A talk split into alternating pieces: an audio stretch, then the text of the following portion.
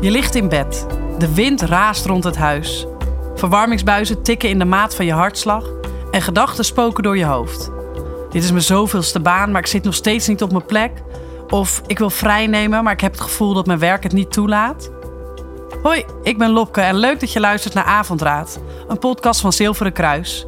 In deze podcast pieker ik over dingen op werk waar jij s'nachts van wakker ligt. Zodat jij het eigenlijk niet meer hoeft te doen.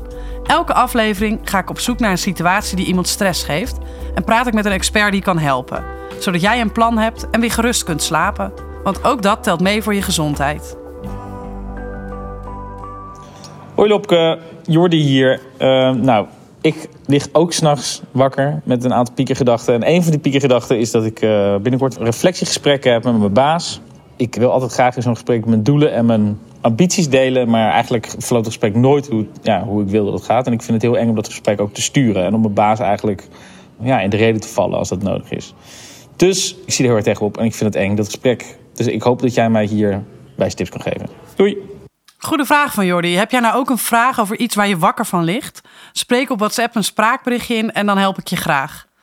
Mijn nummer vind je in de omschrijving van deze aflevering. Maar nu eerst die van Jordi. Want dat is voor velen al best een herkenbaar probleem, denk ik. Soms gaat de tijd heel langzaam. Maar je zult net zien dat hij voorbij vliegt als je belangrijke dingen wilt bespreken.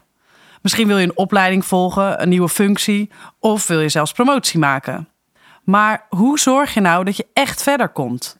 We hebben de hulp van een expert erbij gehaald om te leren hoe je die belangrijke dingen ook echt op tafel gooit. Tinka van Vuren is als bijzonder hoogleraar vitaliteitsmanagement verbonden aan de Open Universiteit Nederland. En daarnaast adviseert Tinka bedrijven wat ze kunnen doen om hun medewerkers een gezonde werkomgeving te bieden. En daarmee te zorgen natuurlijk voor duurzame inzetbaarheid. Tinka, welkom. Heel fijn dat je er bent. Um, allereerst, wat is de eerste stap die je kunt zetten als je meer invloed wil op je reflectiegesprek? Nou, ik vind als eerste al heel goed dat hij zich bewust van is dat je dat aan de orde wil stellen. Heel, heel vaak gebeurt dat inderdaad zo.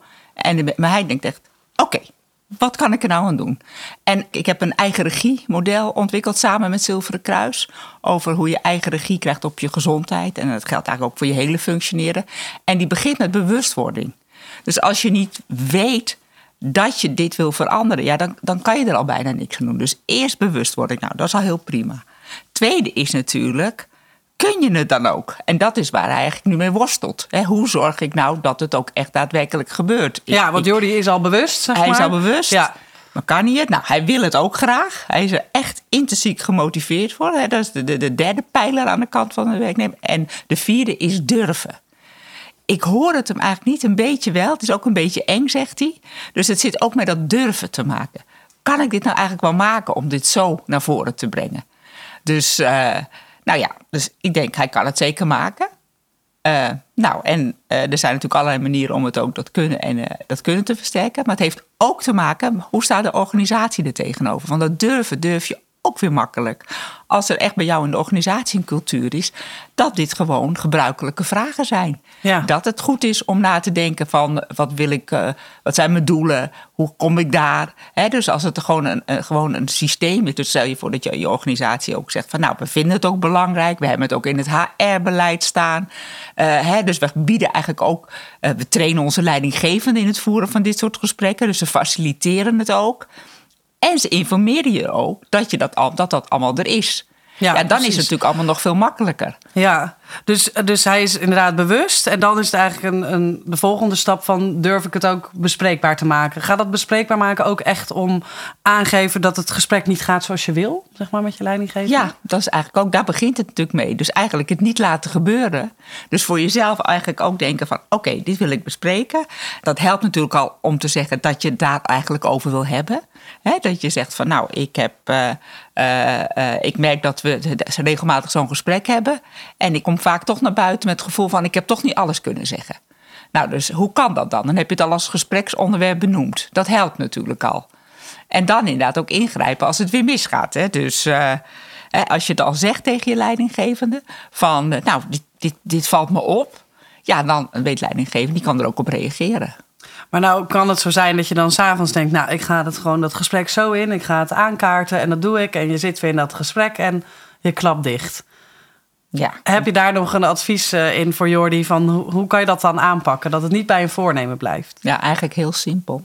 Schrijf het op een lijstje voor jezelf. Neem dat lijstje mee. Leg het voor je neus. Zeg je, dit zijn de onderwerpen die ik wil bespreken. En schrijf dit ook als een van de onderwerpen erbij. Hè, dus uh, ja. Dus uh, ja. Ja, dat is eigenlijk gewoon een kwestie van doen. ja, het is echt een kwestie van doen. Ja. Je wil het, ja, oké, en dit helpt mij. Nou ja, net zoals je weet ook eigenlijk als je, als je naar een huisarts gaat, weet je eigenlijk ook, ik moet van tevoren die dingen opschrijven, want anders dan vergeet ik toch weer net dat belangrijkste onderwerp. En dan sta ik ook weer buiten. Ja, en dan ja, ja, gebeurt het weer. Ja, Dus, uh... hey, je vertelde net al over het eigen regiemodel en waar die uit bestaat. Dus die bewustwording, dat kunnen, willen en durven. Uh, dat is iets wat je dus als medewerker natuurlijk kunt toepassen. Maar hoe kan een leidinggevende dat in uh, een gesprek ook toepassen? Of misschien niet alleen in het gesprek, maar in zijn hele of haar hele leiding geven?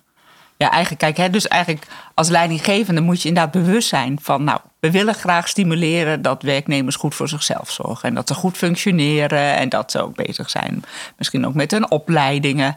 Nou, eigenlijk als leidinggevende begint het er al mee van, wat hebben we eigenlijk in huis om dat te faciliteren? Wat bieden we eigenlijk allemaal aan? Uh, hebben we een opleidingsbudget? Uh, hebben we iemand die bijvoorbeeld mensen kan helpen om te adviseren van wat zou ik kunnen doen? Heb bijvoorbeeld een carrièrecoaching of een loopbaancoaching? En wat, wat hebben we eigenlijk in huis? En ook zit het ook bijvoorbeeld ingebakken in ons personeelsbeleid. Er zijn organisaties die zeggen ja, als mensen bij ons aan het werk zijn, dan doen ze dat werk altijd voor drie tot vijf jaar. Want we hebben heel veel taken en we willen graag dat mensen doorstromen, dat ze steeds weer wat nieuws leren. Nou ja, als je als leidinggevende weet dat dat er is, dan is het ook logischer dat je bijvoorbeeld ook aan je medewerkers gaat vragen. En, nou, je doet dit nou al twee of drie jaar, wat zou je hierna willen doen? dan heb je het al automatisch over wat zijn je volgende stappen, wat zijn je doelen. Informeren, het bespreekbaar maken en eigenlijk gewoon, ja, eigenlijk uitdragen duidelijk laten maken dat je er ook achter staat, dat het gewoon is. En niet alleen een één op één gesprek, maar ook in het teamoverleg, eh, hoe het werk georganiseerd is. Ja, dus niet alleen in zo'n reflectiegesprek, maar eigenlijk gewoon oh, gedurende... Gewoon, het, gewoon alles. Alle, al het werk, van, Hoe ga je doen? En dat je inderdaad ineens een klus hebt en dat je denkt van... oh, maar die had gezegd dat hij heel graag weer eens wat meer... Uh, bijvoorbeeld in een andere brand zou willen doen. Kijk, nou heb ik iets. Nou, dat ja. is misschien een klus uh, juist voor uh, Jordi, want dat past eigenlijk heel goed. Als je het erover hebt, dan kan je ja. dat ook makkelijker doen. Ja, maar uh, nu hebben we het dus natuurlijk over het stuk van de leidinggevende. Maar stel dat dat helemaal niet zo gebruikelijk is in een bedrijf. Maar je hebt toch bepaalde ambities. Omdat je een opleiding wil doen. Of omdat je een volgende stap in je functie wil maken. Maar bijvoorbeeld zo'n leidinggevende neemt best wel de regie in het gesprek. Over zaken waar jij, of die jij misschien minder belangrijk vindt. Wat kan je dan als Jordi zijnde toch vragen, zeg maar? Wat, wat kun je gewoon vragen van ik, ik wil, een, wil een opleiding doen, uh, is daar budget voor? Of is daar nog een bepaalde manier om, om dat nou ja. aan te kaarten? Nou ja, het begint natuurlijk ook al van zorgen dat je zelf zo goed mogelijk geïnformeerd bent. Mm -hmm. Dus eens kijken, wat staat er in de teamplannen? Uh, wat staat er in onze CAO? Worden daar... Uh, uh, is daar een budget? Wordt er bijvoorbeeld gesproken over een opleidingsbudget of een duurzaam inzetbaarheidsbudget? Uh, wat, wat, wat, dus als je dat al weet, dan kan je, is makkelijker. Dan zeg je van, goh, ik kwam dit tegen. Nou, het lijkt mij uh, leuk om dit en dit te gaan doen. Hè? Dus dan, dan weet je het al. Wel een je... beetje, ja, dat klinkt misschien negatief, maar een beetje een poot om op te staan. Dat je een beetje weet waar ja. heb ik recht op en ja, wat kan op. ik vragen. En je kan natuurlijk ook eens zeggen van, nou, ik zou gewoon, ik kan ook eens bijvoorbeeld met een HR-afdeling. is er bijvoorbeeld iemand die, die adviseert over opleidingen? Of uh, je kan ook misschien zeggen, wat weet de ondernemingsraad hiervan? Gewoon eens, wat, wat, wat, hoe is het bij ons geregeld? En wat zijn de mogelijkheden? Wat zou kunnen? Wat kan niet? He, dus maar gewoon, dus gewoon zorgen dat je een beetje weet. Oké, dus nou, dan wil ik graag weten. Van, dan kan je zeggen van nou, ik kwam dit tegen. Nou, wat zou dan mogelijk zijn? Of wat raad jij mij aan om te doen? Ja, precies. En toch is het soms zo, dat merk ik aan een uh, voorbeeld vanuit mijn uh, vriendenkring, uh, dat je het dan hebt aangekaart, dat er wel naar geluisterd wordt. En dan na zo'n gesprek verzandt het toch. Ja, toch weer steeds weer terugkomen. Is dat ja. de enige manier, misschien tot frustratie toe, dat je erop terug blijft komen? Nou ja, niet tot frustratie toe. Kijk, op een gegeven moment, kijk, is het natuurlijk ook van, ja, je wil dat, je ziet wat mogelijkheden. Nou, en als het steeds niet kan, want dat is natuurlijk ook het probleem. Stel dat het over het kan opleiding, maar het kan wat anders zijn. Maar voor opleiding is het natuurlijk ook nodig dat je er tijd voor hebt. Klopt. Dus, en als je gewoon het heel druk hebt, en in deze tijd hebben veel mensen druk, omdat er gewoon vaak ook heel veel vacatures zijn. Ja, dan is er natuurlijk altijd minder tijd om dit soort dingen te doen. En dan toch blijft het belangrijk om het wel te doen. Want je moet zorgen dat je inderdaad weer nieuwe dingen leert. Dat ontwikkeling is zo belangrijk om jezelf gemotiveerd te houden. En ook om het goed te laten functioneren. Dus ja, het is gewoon heel belangrijk dat je gewoon steeds zegt: kom er toch weer even op terug. En misschien kan het nu niet, maar misschien kunnen we een afspraak maken voor over twee maanden. Inderdaad, dat je er dan een tijd aan koppelt. En dat vind ik wel mooi wat jij zegt, dat ontwikkeling echt cruciaal is. Uh, we hebben het nu heel erg over, over groeien, inderdaad, op dat vlak. Dan wel door een opleiding of door een stap in je functie. Maar kun je me uitleggen waarom het ook belangrijk is voor je gezondheid? Ja, dat kan ik zeker. We hebben laatst namelijk een heel, mooi, heel mooi onderzoek gedaan uh, met een uh, student van me, Angela Missouri. En die heeft nagegaan, wat betekent het als mensen gevoel hebben dat hun kwalificaties minder waard worden. Dus dat ze economisch verouderen. Nou, en uiteindelijk blijkt dat te leiden dat mensen zich dan ook vaker ziek gaan melden. dus als mensen het gevoel hebben van, nou, mijn kwalificaties die zijn niet meer up-to-date, uh, dan zie je dat mensen ook minder bevlogen worden, minder enthousiast voor hun werk. En dat leidt ertoe dat ze zich vaker ziek melden. En hoe kun je dat tegengaan? Door ontwikkelingsmogelijkheden te bieden. Uh, zorg dat mensen waarnemen dat ze zich kunnen ontwikkelen en ontplooien. Dan leidt het toe dat ze minder vaak denken dat hun kwalificaties minder waard zijn. En het heeft ook rechtstreeks gevolg op hun bevlogenheid en ook weer op dat ziekteverzuim. Die is best wel, uh, nee, dat vind ik best een eye-opener. En ook best wel heftig economisch uh, verouderen. Dat je zegt van, ja. dat willen we natuurlijk niet. Nee, dat willen nee. we niet. En, en, en, en we zitten wel in een tijd dat eigenlijk onze kennis steeds sneller minder waard wordt. Ja. Hè, dus uh, de, de, de ontwikkelingen gaan zo snel je weet, hè, we krijgen een energietransitie. We hebben nu allemaal functies waarvan we tien jaar geleden niet eens wisten dat ze bestonden. Hè, kan je podcast houden? Hadden we het helemaal niet over.